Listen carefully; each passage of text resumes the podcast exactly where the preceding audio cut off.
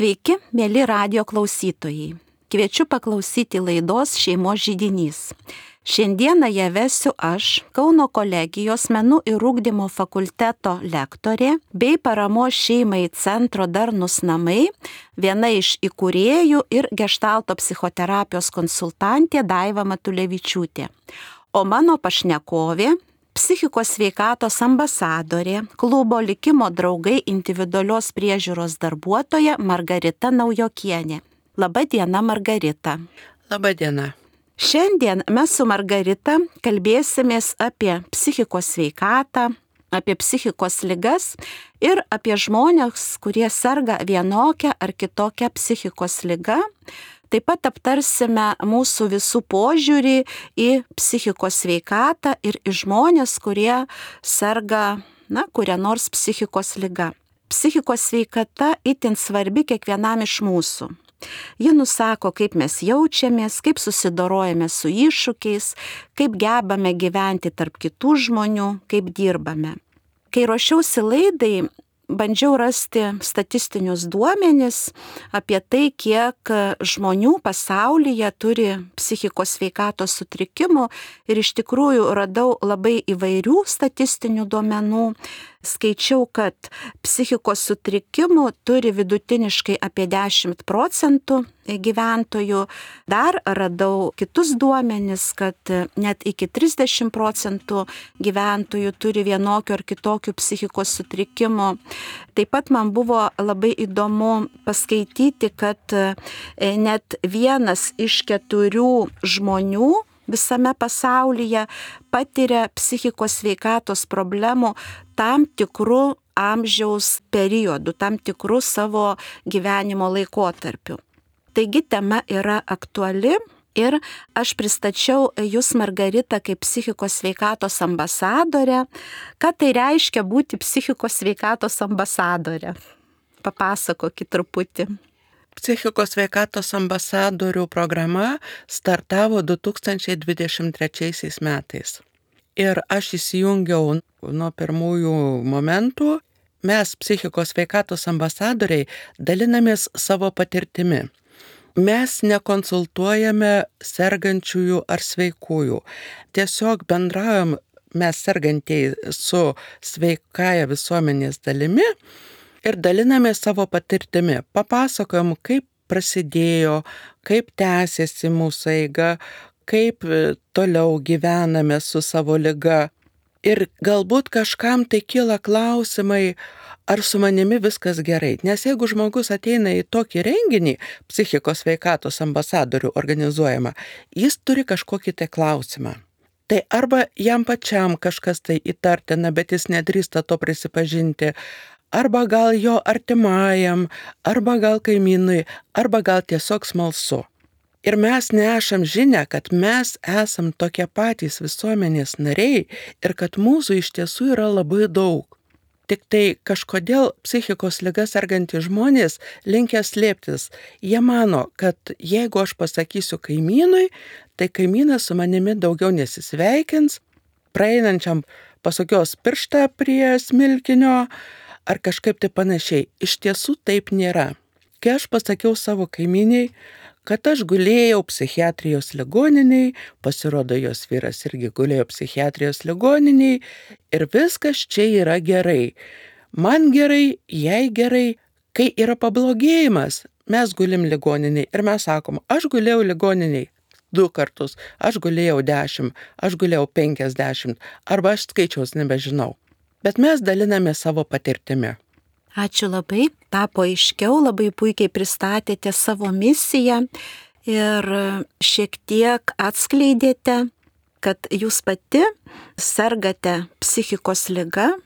Ar galite papasakoti, galbūt iš savo patirties, iš to, kiek jūs žinote, kodėlgi žmonės susirga psichikos lyga, kas įvyksta žmogaus gyvenime, kad jis pasijunta blogai ir na, susirga psichikos lyga. Kiekvienas mes turim savo individualų kelią iki tos lygos. Bet kiek man teko bendrauti, vad konkrečiai likimo drauguose arba gulint ligoninėje, visi mes turim kažkokias tai priežastis, kažkokį tai ilgalaikį stresą. Mokiniai mokykloje patiria patyčias, neišlaiko psichiką, kažkas tai darbe ujamas ir nesugeba išeiti iš to darbo, nes mano, kad aš toks esu, taip tokia jau mano dalė. Kažkas tai ateina per narkotikus, kažkas ateina per alkoholį iki tos lygos. Kiekvienas mes turim savo kelią. Ir labai retas, labai retas gali pasakyti, kad nežinau. Dar va moteris po gimdymo susirga, nes tai irgi yra stresor. Neštumas ir gimdymas taip pat organizmui yra stresorius. Jūsų nuomonė, ar turi susirgymui psichikos lyga įtakos žmogaus gyvenimo būdas, jo asmeninės savybės, ar tai gali lemti ar paveikti jo psichikos būseną? Manau, kad labiau į psichikos lygas linkia intravertai nes jie visus savo skaudulius pasilieka savo. Ekstravertai jie išreikia, iššaukia kažką tai primuša, paskui verkdami atsiprašo ir viskas gerai. Intravertai jie labiau linkia kaupti visą įtampą savyje, kolekcionuoti, prisiminti, kaip ten buvo. Beje, aš priklausau šitai kategorijai. Aš priklausau šitai kategorijai Dar kažkas tai ateina, kaip jau minėjau, per narkotikus, per alkoholį. Bet manau, kad bet kokiu atveju turi įtakos ir genetika. Nes vieni žmonės susirga tokiamis pačiamis aplinkybėmis, o kiti ne. Ačiū, Margarita. Ar galite pasidalinti prieš kiek laiko jūs susirgote psichikos lyga ir kaip supratote, kad su jumis kažkas ne taip. Vat kokia buvo pati pradžia? Gal jūsų pasidalymas kaip psichikos sveikatos ambasadorės būtų naudingas žmonėms? 2003 metais aš pastebėjau, kad mane pradėjo mažiau dominti tie dalykai, kurie mane visą laiką domino. Kas man buvo aktualu, be ko aš gyventi negalėjau. Jau man kažkaip tai šitie dalykai pasitraukė į šoną pastebėjau, kad man sunku susikaupti darbe ir atlikti savo pareigas. Aš tada sugalvojau, kad e, yra šansas kažkaip tai kontroliuoti darbo problemas, susidarant darbo grafiką. Tarkim, nuo 8 iki 8.45 aš darau tą ir tą. Nuo 8.45 iki pusės dešimtos aš darau tą ir tą. Nuo pusės dešimtos iki be penkiolikos dešimt aš geriu kavą. Ir ne kitų metų, ir ne kitaip. Ir kurį laiką man tai padėjo. Bet neilgam. Paskui aš susidarydavau tą savo dienotvarkę ir į ją nežiūrėdavau. Aš žinojau, kad jinai sudaryta, aš dėl to labai pergyvenau, bet vis tiek nieko nedariau. Kadangi turiu medicininį išsilavinimą, esu baigusi Prano Mažylio medicinos mokyklą ir buvo psichiatrijos kursas mums, tai aš suvokiau, kad jau čia turiu problemų. Ir savo vyrui pasakiau 2003 m. gruodį, kad tu mane užregistruok sausio mėnesio pirmąjį savaitę pas psichiatrą, jeigu ne, tada nereikia nuėjo ir užregistravo mane vasario pirmai dienai, todėl kad mm. anksčiau nebuvo talonų. Aš jam sakau, kodėl tu čia taip? Nenori neik.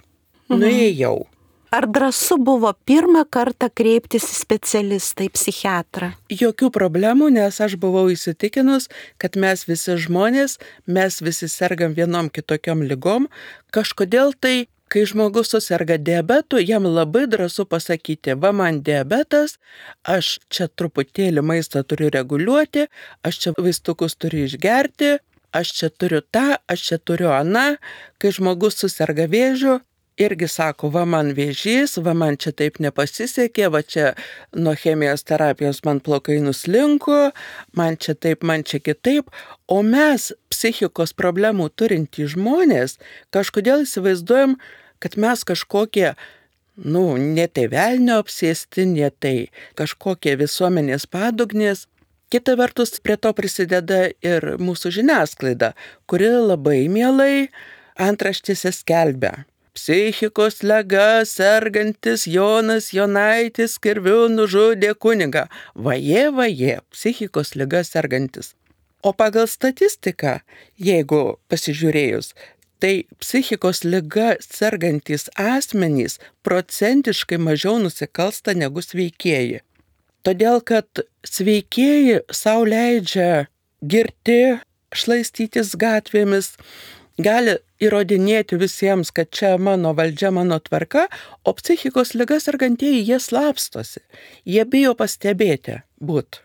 Sakykit, kaip jūsų šeimos nariai reagavo į tai, kad vat, jūs pradėjot jaustis blogai, kad jūs susirgote psichikos lyga, kokia buvo jų reakcija ir kokią tai darė jums įtaką? Mano vyras, jisai, nu nepasakyčiau, kad jis kažkaip sureagavo jis nepradėjo geriau elgtis su manimi, ne blogiau. Vat ir dabar po daugybės metų mano lygos, aš jo klausiau vieną kartą, kaip jisai supranta, kad jau man pablogėjimas. Jis man pasakė, aš niekaip nesuprantu. Tiesiog, vad, kai per savaitę ištuštėja šaldytuvas, tai suprantu, kad jau kažkas tai negerai. Aš kažkaip tai stengiuosi neparodyti, nors kiti žmonės pastebi. Pastebi mano žvilgsnyje, pastebi mano balso intonacijoje, pastebi tokius dalykus. Mama, jinai nežinojo apie tai, kol aš nepatekau pirmą kartą į ligoninę. Kai aš patekau pirmą kartą į ligoninę, jai tai buvo šokas, bet jinai vėlgi turi medicininį išsilavinimą, ne kokią ten maža raštė, nieko nesuprantanti, jinai priėmė, nu tiesiog, kad vat, sergu ir tiek. Tai tokio artimųjų, na, tokio ar ignoravimo, ar perdėtos globos, ar ne, ne hiperglobos jūs nepatyrėte. Sakykit, kaip psichikos lyga susirgęs žmogus turi išmokti gyventi su lyga, priimti savo lygą. Ar tai yra procesas, kaip jūs tai padarėte, kaip jūs ar išmokote gyventi su savo lyga? Tai yra tikrai procesas. Kai pirmą kartą nuėjau pas psichiatrą ir man buvo diagnozuota lyga, aš pasakiau savo, nu, kam nebūna, nu, kam nebūna. Kai patekau pirmą kartą į ligoninę, vėlgi pasakiau, nu, pirmas kartas, kam nebūna, va išeisiu ir viskas bus gerai. Antrą kartą patekau į ligoninę, tai buvo šokas. O kodėl čia taip? Nu bet, o gal? Kai patekau trečią kartą, tada buvo klausimas, o kodėl čia man, kam ir kuo aš čia taip nusikaltau, kad čia taip. Na ir pirmieji metai po pirmo patekimo į ligoninę man buvo labai sunkus, labai sunkus visapusiškai ir sveikata labai bloga buvo ir emociškai niekaip negalėjau suprasti, kaip čia taip man yra ir gyventi nesinorėjau, visiškai nesinorėjau gyventi ir iškritau iš darbo rinkos. Na, o paskui vieną kartą gulint ligoninėje, viena moteris sako, žinai, yra čia tokie likimo draugai, čia penktadienį geriam kavą, kalbamės, valgom sausainius, einam. Nuėjau pasižiūrėti ir tema buvo, ko mes bijome ir kaip įveikiame savo baimės. Nu, aš ten visų klausiausi, klausiausi, Tada vadovė atsisuko į mane, na, o ko tu sako bijai? Aš sakau, bijau jūsų. Jinai taip sureagavo, mūsų, ar mes tokie baisus? Sakau, aš bijau, kad jūs mane atstumsite, bet jie manęs neatstumė. Ir nuo to laiko aš įleidau šaknis į tą organizaciją ir prasidėjo mano kelias į viršų. Puiku, puiku. Margarita, pradėjote kalbėti apie likimo draugus, apie klubą e, likimo draugai. Gal galite truputėlį papasakoti, kas tai per organizacija? Tai organizacija vienijanti psichikos neįgaliuosius. Kai aš pirmą kartą guliau ligoninėje, aš savo psichiatro paklausiau, ar yra tokių organizacijų analogiškų anoniminiams alkoholikams, bet kur renkasi psichikos lygas sergantys žmonės. Jis man pasakė, nėra ir ačiū Dievui. Aš paklausiau, kodėl. Jis man atsakė taip, kad jeigu susirinks dešimt depresiją sergančių žmonių, jiegi vienas kitą paskandins. Mirtinai. Bet iš tiesų taip nėra, iš tiesų yra priešingai. Jeigu vienas sako, žinok, va man dabar taip, va man dabar taip negerai, kiti sako, o tu bandėjai šitai? Ne, nebandžiau, tai tu pabandyk, padeda.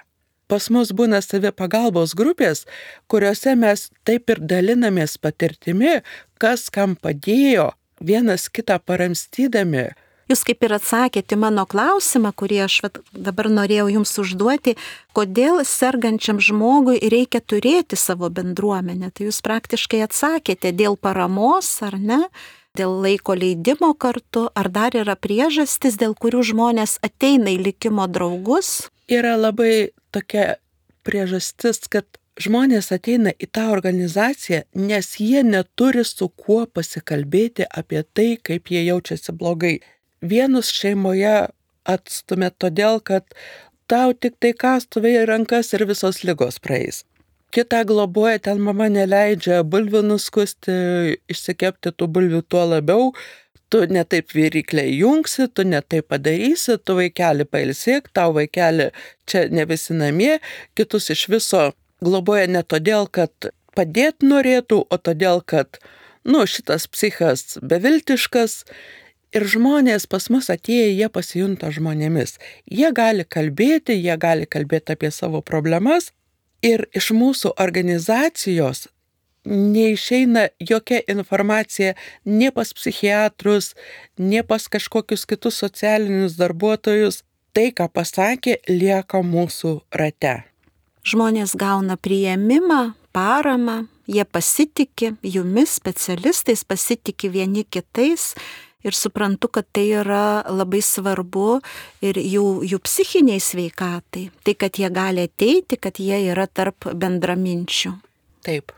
Mėly klausytojai, primenu, kad jūs klausotės laidos šeimos žydinys, kurią vedu aš, Kauno kolegijos menų ir ūkdymo fakulteto lektorė ir paramos šeimai centro Darnus namai gestalto psichoterapijos konsultantė Daiva Matulevičiūtė, o mano pašnekovė šiandien psichikos sveikatos ambasadorė, klubo likimo draugai individualios priežiūros darbuotoja Margarita Naujokienė. Margarita, noriu jūsų paklausti apie dažniausias artimųjų šeimos narių reakcijas į psichikos lygą sergantį jų šeimos narį. Jūs pasidalinote savo patirtimi apie jūsų artimiausių žmonių reakciją į jūsų lygą ir šiek tiek užsiminėte apie tai, kaip į sergančius psichikos lyga arba turinčius psichinės sveikatos problemų reaguoja jų artimieji. Jūs kalbėjote apie žmonės, kurie dalyvauja klubo likimo draugai veikloje. Ar galite truputėlį papasakoti, kokios dažniausios yra šeimos narių reakcijos į jiems artimą žmogų, kuris serga psichikos lyga. Iš savo praktikos. Dažniausiai tai yra supergloba. Tu sergi, tu negali, tu nepaėgi, tu padarysi blogai ir ne todėl, kad tu dar neišmokai kažko tai daryti. Nu, kol neišmokai, tai atitinkamai darai blogai. Bet tu negali išmokti, todėl kad tu sergi psichikos lyga ir taip Ypatingai mamos, vienišos mamos savo sūnus globoja. Globoja, globoja, kol pasensta ir numiršta, o tie sūnus lieka neišmokę net kiaušinienės išsikepti. Ir tada tokių žmonių kelias viena kryptimi į globos namus. Ir tai yra pats blogiausias variantas. Nes jie neturi tiesiog patirties. savarankiško gyvenimo įgūdžių, patirties, ar ne, kaip gyventi, kaip tvarkytis būtyje, kaip spręsti įvairias problemas. Yra kita kategorija žmonių, kurie neigia savo artimojo lygą, savo artimo žmogaus problemas ir mano, kad jisai gali ir privalo viską ir pyksta, kad šitas tai to kažko tai nepadarė kažkurio tai momentu, kažkada tai padarė, kažkada tai nepadarė, va tu čia ir taip ir kitaip, kaip jau minėjau, tau tik tai kastuvą ir gerą brūklį, Įsigalvoji, mhm. kas čia per lyga, čia tokios lygos nėra, va, va ten, jeigu susilaužiai koją, tai jau lyga, jau problema, bet dėja tokia problema egzistuoja kaip lyga ir tenka susitaikyti. Taip. Ir geriausia turbūt, ką gali padaryti sergančiųjų artimieji, tai tiesiog pripažinti lygą, priimti, kad taip yra tokia realybė. Mano artimas, man brangus žmogus, na, tiesiog turi psichikos sveikatos problemų. Taip ir mano vieno draugo mama elgėsi protingiausiai iš visų įmanomų variantų. Jis be psichikos lygos turi dar ir įgimtą cerebrinį paralyžių. Jo viena koja ir viena ranka mm, pažeistos. Taip. Mama pasakė, aš neamžina, tu turi ir bulves kusti, ir indus plauti, jisai ir dirba, ir vairuoja mašiną, ir džiaugiasi gyvenimu. Ačiū labai puikus pavyzdys iš tikrųjų, kad žmogus turintis va, tokį sutrikimą ar ne, gali na, pilnavertiškai gyventi. Sakykit, Margarita, jūs paminėjote, kad e, jums buvo svarbu gauti informacijos apie jūsų lygą ir noriu paklausti, ar reikia žmogui, kuris susirgo psichikos lyga, domėti savo lygą, skaityti literatūrą apie savo lygą, ką tai duoda. Ar reikia kaupti žinias apie tą lygą, kurią žmogus serga? Aš manau, kad svarbu nepriklausomai nuo to, kokia lyga sergi. Informacija yra reikalinga, todėl kad informacija duoda aiškumą. Tačiau labai svarbu pasirinkti informacijos šaltinį.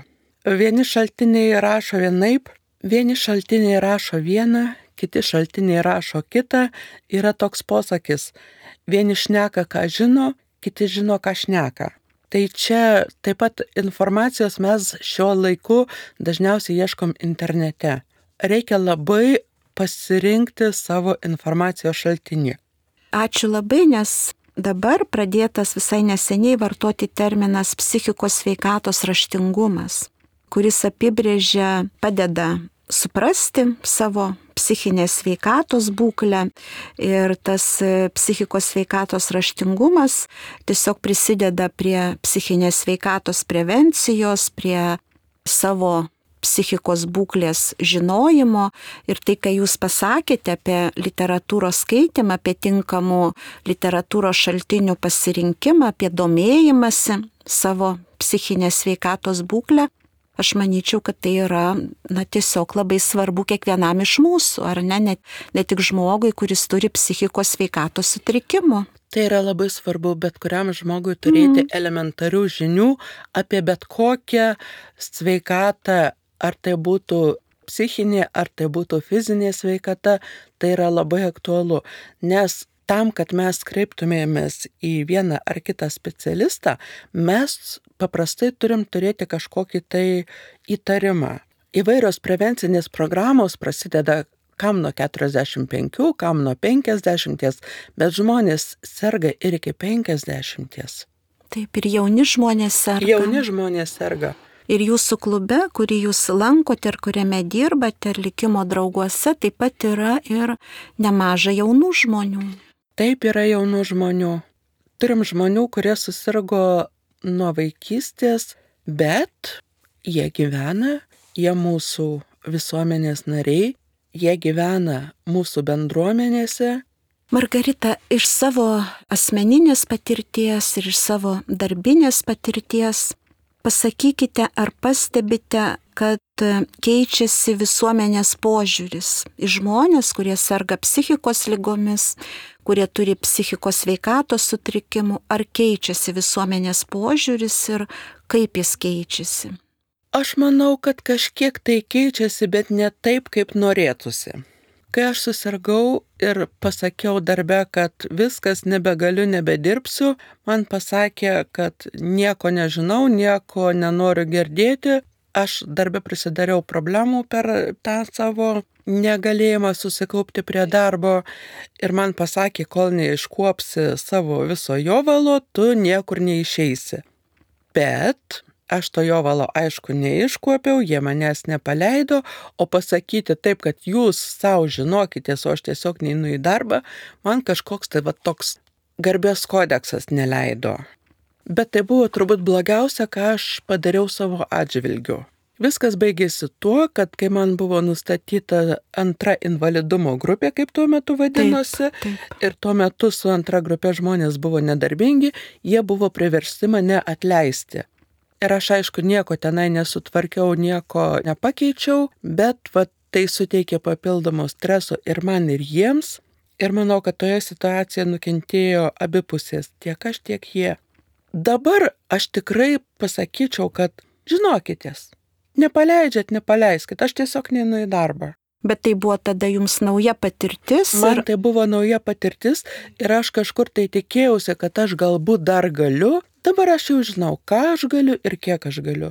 Ir vadovaujuosi tuo principu e, darbinėje veikloje, bet kokioje. Ar tai darbe, ar tai namuose, dirbu ne pagal savijautą, o pagal laikrodį. Jeigu aš intensyviai galiu dirbti keturias valandas, tai šešių aš nedirbsiu. Todėl, kad po šešių valandų intensyvaus darbo aš jau kitą dieną esu nedarbinga.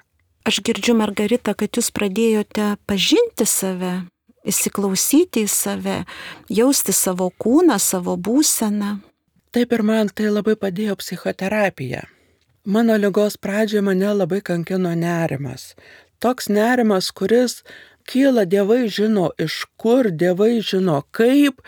Ir aš nesuprasdavau, aš tik tai tabletės rydavau ir nuo tų tablečių man įeidavo į kažkokią preblandinę sąmonės būseną, kai aš vaikščiodavau, kalbėdavau, bet kitą dieną nieko neprisimindavau. Ir aš įsivaizdavau, kad tai yra mano lygos pasiekmė. Bet paskui kažkaip tai netikėtai įsiaiškinau, kad tai yra ne lyga, o tai yra vaistų toksai šalutinis rezultatas. Ir kai aš gydytojai pasakiau, kad taip yra, jinai man pakeitė tuos konkrečiai vaistus, nuo kurių man tai būdavo. Ir aš jų padauginusi eidavau miegoti, bet taip, kad kaip zombis lankiodavau, taip jau nebebūdavo. Ir tada aš pradėjau lankytis pas psichoterapeutą metus, antrus aš čia pasakoju, kad nerimas man, jinai sako, bet nerimas tai apie ką? Nu, apie nieką. Tiesiog nerimas. Jinai man sako, taip nebūna. Aš jai įrodinėjau, kad man yra būtent taip ir ne kitaip. Jis sako, taip nebūna. Nusipikau galvoju, įrodysiu. Ir dabar sėdžiu namuose, pareina mano vyras namo ir sako, žinai, Almantukas nusipirko naują mašiną. Man nerimas toks baisus plykstelėjo. Nu, nie tas Almantukas už mano pinigus pirko. Nu, aš jį pažįstu. Ne jis mane vežios, ne aš pavydžiu jam tos mašinos. Ir iš kur tokia reakcija? Aš tai paėmiau ir įsirašau. Almantukas mašiną nusipirko, nerimas per kraštus lėjasi. Ir taip pat keletą kartų užsirašiau įrodymus, kad tikrai, tikrai čia taip. Ir po savaitės nueinu ir skaitau. Ir man sako, o ką tau reiškia almantukas? Nieko. Tu jį pažįsti? Pažįstu. Iš kur tu jį pažįsti? Iš savo buvusios darbovietės. O tau tai nesusiję? Ir staiga aš atradau, kad bet kokios sąsajos su mano buvusią darbovietę, nu, vardas paminėtas, prisiminta mm. ar dar kažkas, tai kelia man tokį baisinį nerimą. Ir žinokit, kaip ranka nuėmė, kai aš supratau savo nerimo tas vad priežastis ir aš supratau, kad tai jau yra praeitis. Tai jau yra praeitis. Viskas, manęs tai nebeturi jaudinti. Tai taip atsikračiau savo nerimo ir dabar, kai man išrašo raminančių tablečių, tai jos pas mane stovi, stovi, pasensta ir aš jas išmetu bet aš jų visą laiką turiu, na, kritiniam atvejui. Ačiū labai už pasidalyjimą.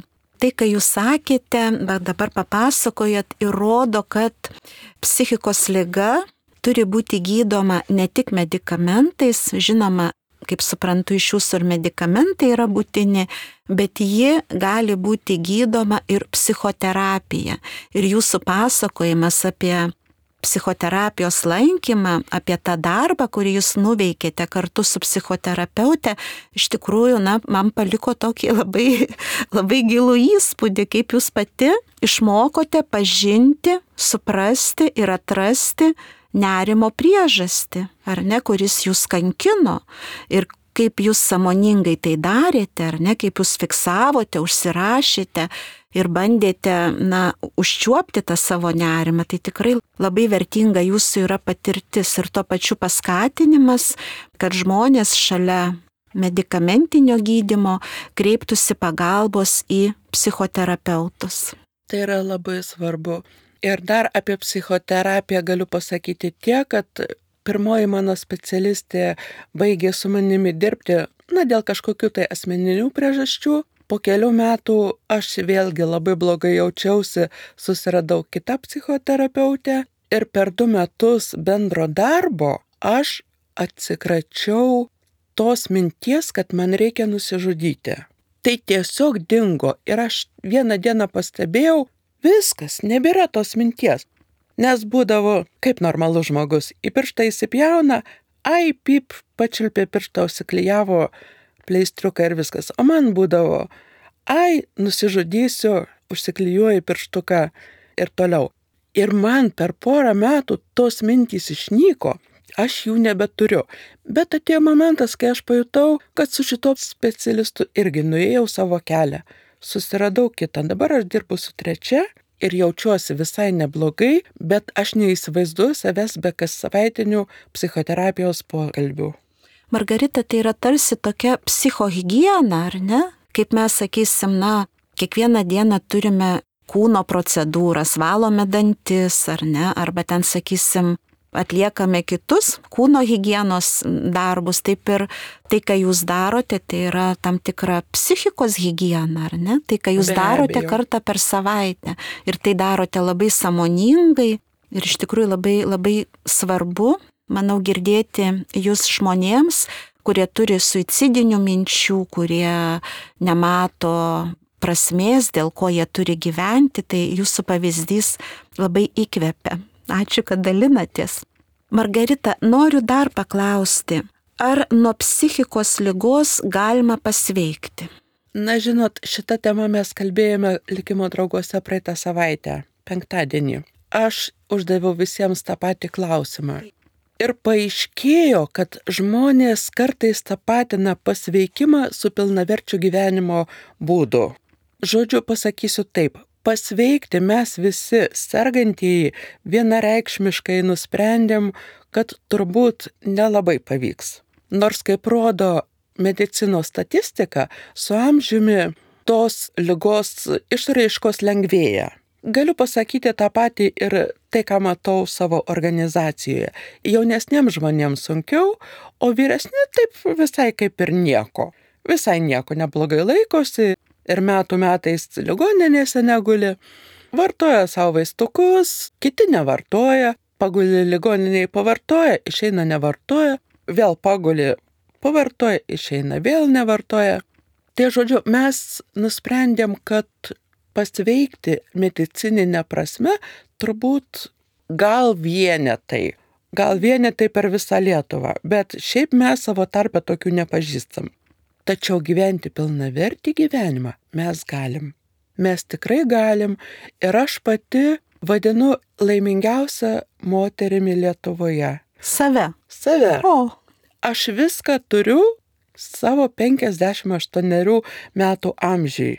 Aš vyrą turiu, aš du vaikus turiu, aš marčią turiu, žentą turiu, keturis nuostabius anūkus turiu, darbą turiu, mašiną vairuoju, sveikata duok dievė kiekvienam. Ir dar turit savo bendruomenę. Turiu savo bendruomenę, viską turiu. Žinot, Margarita, man taip nuostabu girdėti, kad jūs likimo drauguose diskutuojate vat tokiomis temomis, ar ne, sakysim, ar galima pasveikti nuo psichikos lygos. Man atrodo, kad vien tos diskusijos ar ne labai daug duoda žmonėms, vien tai, kad jie gali kalbėti šią temą ar ne. Man labai įdomi klubo likimo draugai veikla ir žinau, kad klubas likimo draugai yra įsikūręs Kaune, turbūt ir kitose miestuose veikia panašios organizacijos, bet mes kalbam būtent apie Kaune veikiantį klubą. Sakykit, kas gali prisijungti prie likimo draugų ir jeigu žmogus sergantis psichikos lyga arba turintis kokių tai psichinės veikatos sutrikimų dabar klauso mūsų ir jis pajuto, kad jam norisi būti tarp žmonių, tarp panašaus likimo žmonių, kurie jį galėtų suprasti, kaip galima prisijungti prie likimo draugų. Anksčiau, kol buvo projektinė veikla, tai buvo viskas daug paprasčiau. Žmonės tiesiog ateidavo ir prisijungdavo. Dabar reikia per seniūnijas. Reikia kreiptis į seniūniją pagal savo gyvenamąją vietą. Turim keletą žmonių ir iš Kauno rajono, bet daugelis yra vis dėlto kauniečių. Kreipiasi į seniūniją pas socialinio darbo organizatorių, tenai užpildo prašymą, tas prašymas keliauja į savivaldybę, paprastai tai yra patenkinami tokie prašymai ir tada jau ateina pas mus. Ir gali dalyvauti jūsų gali veikloje. Dalyvauti veikloje.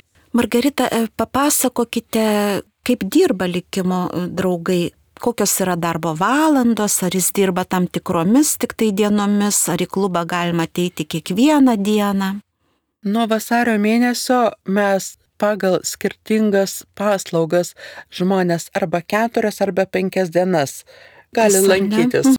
Kurie gauna socialinės rehabilitacijos paslaugas, tie ateina pas mus keturias dienas, nuo 10 iki 15, taip yra kol kas, kol e, nepradėjo veikti socialinių dirbtuvių paslauga. Numatom nuo balandžio pirmos dienos, dar renkam kolektyvą, ta prasme dalyvius socialinių dirbtuvių. Tai yra labai patrauklus dalykas, nes žmonės ir dirba, ir kažkiek tai užsidirba.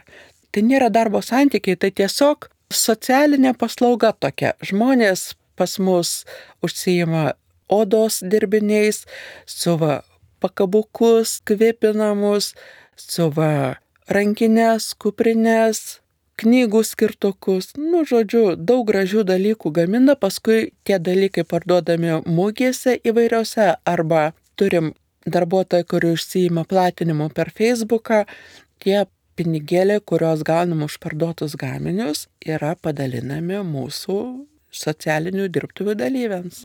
Tai tokia veikla ir įdomi, ir prasminga, ar ne, ir žmogus jisai praleidžia savo dieną, būdamas tarp kitų, jis neturi būti užsidaręs namuose. Tai manau, kad e, klubo likimo draugai veikla tikrai yra reikalinga žmonėms, kurie turi psichikos sveikatos problemų. Sutinkat, ar ne? Taip. Iš tikrųjų labai įdomu e, su jumis kalbėtis. Man atrodo labai svarbu tai, kad jūs dalinatės savo asmeninę patirtimi ir e, jūsų asmeninis pavyzdys leidžia suprasti, kad žmogus, kuris turi psichinės sveikatos problemų, iš tikrųjų gali pilnavertiškai gyventi ir kaip jūs sakote, kad esate labai labai laiminga moteris, ar ne, nes jūs turite viską, ko jums reikia. Ir jūs galite džiaugtis, gebate džiaugtis tuo, ką jūs turite. Tai kažkaip, Margarita, man toks jūsų sveikumo požymis, ką jūs manot, neligos, o tokios psichikos sveikatos geros požymis, jūsų toks pozityvus nusiteikimas į gyvenimą. Na, aš vartoju vaistus, todėl negaliu sakyti, kad aš esu sveika, bet aš gyvenu pilnavertį gyvenimą. Margarita, ko jūs palinkėtumėt e, mūsų laidos klausytojams, galbūt žmonėms, kurie blogai jaučiasi, nedrįsta kreiptis į specialistus, nedrįsta kreiptis į psichologą ar į psichoterapeutą, jau nekalbu, kad kreiptis į psichiatrą pagalbos. Galbūt jūs turite kokį nors palinkėjimą? Psichikos sveikata, kaip ir kūno sveikata, yra labai svarbus dalykas. Ir čia gražu, negražu, patogu, nepatogu. Yra beje ir psichiatrai, kurie tiesiog konsultuoja, nedarydami įrašų e-sveikatoje. Nu, ten privačiuose kažkur tai kažkaip tai tenai galima pasikonsultuoti. Bet pradėti manyčiau, kad verta nuo psichoterapeuto. Tada psichoterapeutas jau jisai mato, jisai gali pasakyti, kad tau užteks psichoterapijos, jeigu užduosite tokį klausimą. Arba nukreips pas psichiatrą. Man irgi tai buvo, kai pirmą kartą išėjau iš ligoninės, kreipiausi į psichoterapeutą, man pasakė vaikeli, koks psichoterapeutas, tau psichiatro reikia. Ir gerai, kad pasakė. pradėjote, na, tada gydyti savo lygą, ar ne, išmokot gyventi su ją ir gyventi Išmokau. pilnavertį gyvenimą. Labai labai ačiū Jums, kad sutikote ateiti, dalyvauti laidoje, pasidalinti savo patirtimi.